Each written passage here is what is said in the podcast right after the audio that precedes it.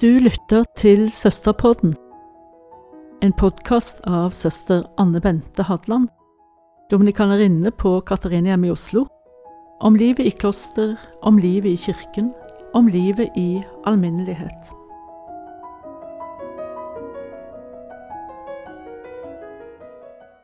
I denne og tre andre episoder av podkasten skal det handle om det annet Vatikankonsil. Det er et tema som aldri synes å bli uttømt. Ja, for hva sier konsilet om reform av liturgien, f.eks.?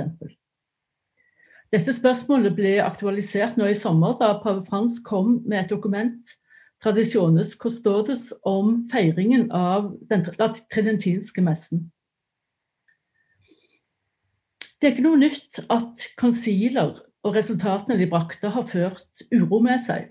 Det er vel snarere et tegn på viktigheten av dem. Og vi, dvs. Si pater Fredrik Hansen og jeg, skal komme til Sacrosanctum Concilium også, det annet Vatikankonsils dokument om liturgien. Men i dag, i denne episoden, skal det først dreie seg om konsiler i kirkens liv, og også om synoder. Men altså, konsilene, nærmere bestemt det som ligger nærmest oss i tid, det annet Vatikankonsil.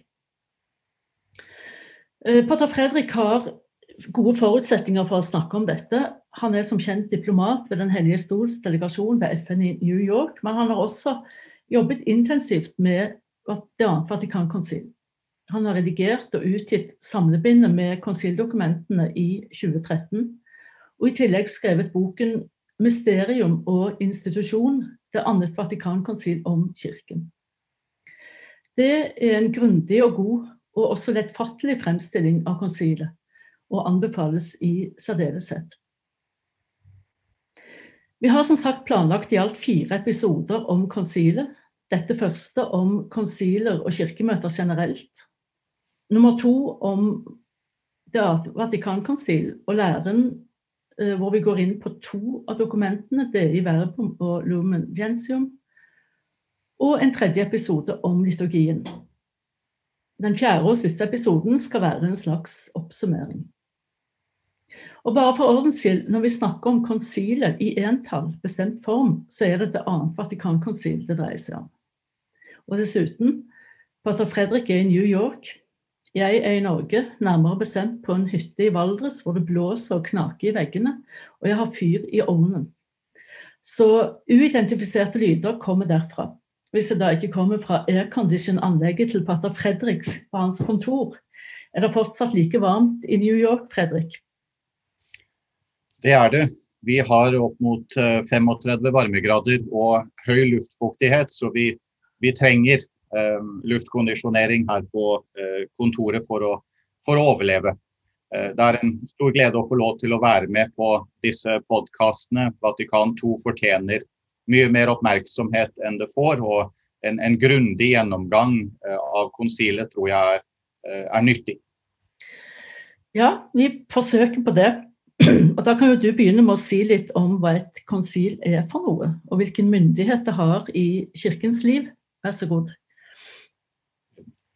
Ordet konsil kommer fra det latinske konsilium og betyr eh, kort og godt en forsamling. I kirkelig ordbruk så betegner et konsil en forsamling hvor alle kirkens biskoper deltar. Og hvor denne forsamlingen innehar lovgivende myndighet og læremyndighet over kirken som helhet konsilene, eller kirkemøtene som vi også sier på norsk, betegnes også som økumeniske konsil. Fra det greske oikomene, det som angår helheten eller hele verden. Altså et bispemøte, en bispeforsamling med myndighet over, og som samler alle biskopene i verden, i hele kirken. Læren om kirken, eklesiologien, tar dette et steg videre og betegner et konsil som bispekollegiets møte. Og her går vi tilbake til opphavet, til eh, Jesus og apostlene. Jesus samlet rundt seg tolv disipler som han sendte ut, altså apostler. Og i dette kollegiet av apostler så ga Herren den hellige Peter en særskilt oppgave. Deretter ordinerte apostlene etterfølgere, biskopene, for å fortsette den apostoliske myndighet og det apostoliske oppdrag i verden. Og som vi vet, Den hellige Peters oppdrag og myndighet i kirken ble videreført og er videreført i biskopen av Roma. Så Den hellige Peter og apostlene, og nå Peters etterfølger paven og apostlenes etterfølgere biskopene, som dette apostoliske kollegium, bispekollegiet. Dette kollegiet besitter altså myndighet over hele kirken, og det utøves gjennom konsilene, gjennom kirkemøtene.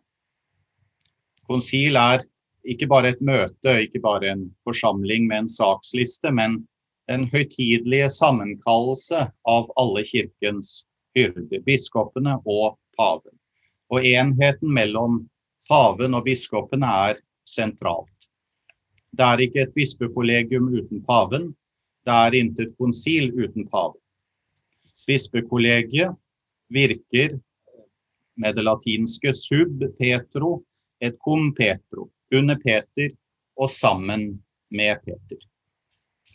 Bare veldig kort om eh, konsilenes historie. Eh, I løpet av kirkens 2000 eh, år lange vandring gjennom historien er det blitt avholdt 21 økumeniske konsil. De deles vanligvis i tre. Først de åtte konsil i Oldkirken, eller i det første årtusen før skisma mellom Vestkirken og Østkirken. Her er det viktig å legge merke til de første to, Nikea og Konstantinopel, som utarbeidet trosbekjennelsen vi forkynner eller synger sammen i hver søndagsmesse. Dette understreker hvor viktig konsilene er for kirken, også i, i hverdagen. Så de ti konsilene som ble avholdt i det vi kan kalle katolsk middelalder, fra skisma i 1054 og frem til reformasjonen. Og til slutt de tre konsilene i nyere tid. Tridentine konsilet, altså motreformasjonskonsil, det første Vatikankonsil, kjent først og fremst for læren om pavens primat og ufeilbarlighet. Og så da det som skal være vårt tema, det annet Vatikankonsil fra 1962 til 1965. Takk skal du ha. Du ga meg et stikkord der. Du snakket om det første Vatikankonsil, som definerte læren om pavens ufeilbarlighet i lærespørsmål. For hva, hvilken myndighet har konsilen, og hvordan forholder det seg med myndigheten paven på den ene siden, konsilet på den andre? Må det alltid være en enighet? Står paven over konsilet? Står konsilet over paven? Hvordan forholder det seg egentlig? I kirken så er det to institusjoner som har det vi kaller universell myndighet myndighet over hele kirken. Myndighet til å bestemme for hele kirken. Og da både lovgivende myndighet, disiplinær myndighet, kanonisk myndighet, og så læremyndighet. Og disse to institusjonene er paven, som Peters etterfølger, han som innehar det petrinske embetet, og konsilet. Og konsilet, som, som, jeg sa, eh, er ikke biskopene uten paven, men det er hele bispekollegiet. Biskopen, biskopene og biskopen av Roma i fellesskap. Derfor er det ikke Det kan ikke være noe konkurranse mellom disse to. Fordi det er da både paven alene, men også paven med biskopene samlet om han. Akkurat. Og det betyr jo at disse andre hva skal vi si, um, forsamlingene da, som vi skal komme til nå, sånn som synoder og bispekonferanser, de har jo da en tilsvarende begrenset myndighet. Det er helt riktig. Og det er den store og avgjørende forskjellen mellom konsilene på den ene siden, så dette den høytidelige sammenkallelse av kirkens hyrder, med denne universelle myndighet i lærespørsmål og i eh, lovgivende eh, og kanoniske spørsmål, og andre typer bispemøter eller andre typer forsamlinger av biskoper, som i det store og hele er pastorale, praktisk orientert. Og eh, Du nevnte ordet synode. La oss uh, begynne med det. Ja, jeg gjør det. fordi Det er jo også aktuelt i og med at pave Frans uh, har tatt til orde for lokale synoder over hele verden foran en større bispesynode i 23, er det vel? Eller 24, jeg husker ikke årstallet rett. Men denne, disse lokale synodene skal jo finne sted nå i høst, faktisk. Det skal de. Og eh, synoder lokale eller mer begrensede bispemøter har en lang historie i kirken. Eh, helt fra oldkirken har det vært vanlig at biskoper i en region eller en provins har, har kommet sammen for å drøfte praktiske, pastorale, men også eh, læremessige spørsmål. Så når vi snakker om synoder, og bare da begrepet synoder, eh, så omtaler vi disse stort sett oldkirkelige forsamlinger av eh, biskoper i en region eller en provins. Eh, men så, etter det annet Vatikankonsil, så etablerte pave Paul den sjette bispesynoden. Eh, og da ofte bispesynoden med stor B, for å, for å skille det av fra disse synodene i oldkirken. Og bispesynoden er da en institusjon som eh, samler representanter fra de ulike bispekonferansene i verden. Den har kommet sammen i eh, ordinære møter hvert andre eller tredje år, sammenkalt av paven for å drøfte et konkret spørsmål, ofte et pastoralt spørsmål. Og funksjonen til bispesynoden er å fremme enhet mellom paven og biskopene. Og bistå, bistå paven med eh, råd.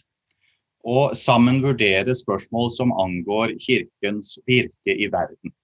Så det er en, en pastoral og en praktisk samling, forsamling av eh, biskoper. Mm.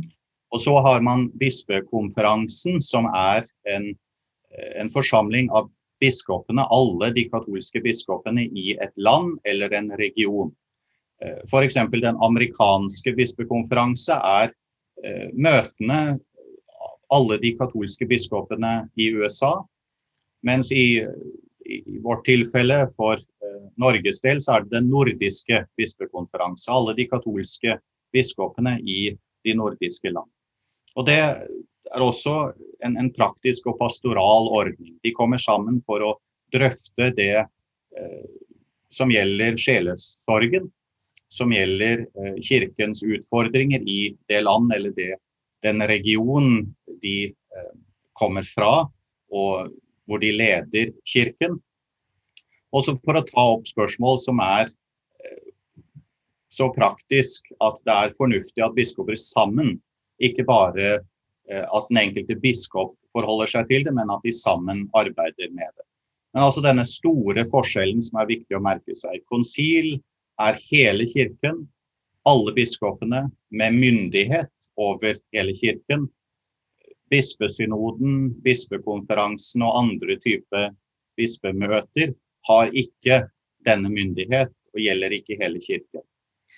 Nei, de gjør jo ikke det. Det er veldig viktig å, å understreke det der. fordi at det hender jo da at eh, lokale synoder tar opp spørsmål som angår hele kirken. Og nå tenker jeg da spesielt på det som vi har sett i Tyskland en stund. De har noe som de kaller for den synodale vei. Altså det er en slags synodal prosess som er initiert av den tyske bispekonferansen og deres store legmannsorganisasjon. Um, Hva det heter for noe eh, Ja, det har jeg glemt. Men i alle fall denne synodale prosessen da, hvor de tar opp massevis av spørsmål som um, angår Kirken på verdensbasis. De, de, de, er sterkt på banen for å fremme ordinasjon av kvinner, går inn for oppheving av celibatet. De vil ha interkommunion, de ønsker kommunion for fraskilte gjengifte. Altså det er en blanding av hva skal vi si, viktige saker, og, og, saker som du, og de vil ha velsignelse av homofile parforhold. Altså saker som du vet vil skape splittelse hvis det skal plutselig gjelde universelt. Og jeg, jeg lurer litt på Har du gjort deg noen tanker om denne synodale prosessen? og i forhold til disse lokale synodene som vi nå blir oppfordret til å, å avholde? Jeg, jeg, tror i forhold til den, den synodale vei i uh, den tyske kirken, eller i den tyske bispekonferanse, er det, er det absolutt viktig å holde tunga rett i munnen. Og skille mellom hva som er hva uh, i kirken. Fordi uh, pave Frans har veldig sterkt tatt ordet, tatt til orde for at kirken må vektlegge på ny synodalitet en, en, en, tanke som i bunn og grunn handler om å erkjenne at alle de døpte er, er, medlemmer og skal være aktive medlemmer av kirken. Og at kirken er kalt som Guds folk til å, til å vandre sammen. Og til å møte de utfordringer og spørsmål som, som kirken står ovenfor, i, i et fellesskap. Som dette gudsfolket, altså alle de døpte eh, sammen så er denne eh, tanken om synodalitet eh, blitt eh, tatt opp på ulike måter i ulike deler av kirken. Og den synodale vei i Tyskland var kanskje første steget. Det var det første prosjekt for på en eller annen måte å ta tak i dette med synodalitet og gjøre det konkret. Og, jeg tror det også er viktig å, å huske at bakgrunnen for den synodale vei i Tyskland var denne store rapporten om overgrep, seksuelle overgrep eh, mot barn i kirken i Tyskland. Det er en reaksjon mot eh, de betydelige utfordringer og problemer som kirken i Tyskland står ovenfor. Som du rett sier, så er den synodale veien blanding. Det er ikke en bispesynode, det er ikke et bispemøte, det er ikke bispekonferansen. Det er denne kombinasjonen av Eh, enkelte biskoper, eller bispekonferansen på den ene siden, og denne sentralkomiteen av, av tyske katolikke legmannsorganisasjon. Mm. Så det er en forsamling, litt et type nasjonalt pastoralråd, eh, vil jeg si.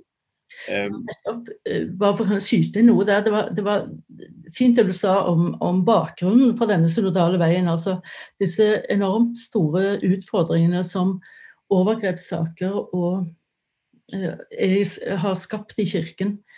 Eh, og det slår jo meg eh, at det som ikke er fremme i debatten i denne synodale veien altså Nå beveger vi oss litt bort fra det som var tema for denne podkasten, men jeg nevner det likevel. Det er nemlig overgrepssaker og overgripere. Hva gjør man med det og dem? Det er på en måte skjøvet litt utover sidelinjen synes jeg, ved at man har trukket frem alle disse kontroversielle sakene.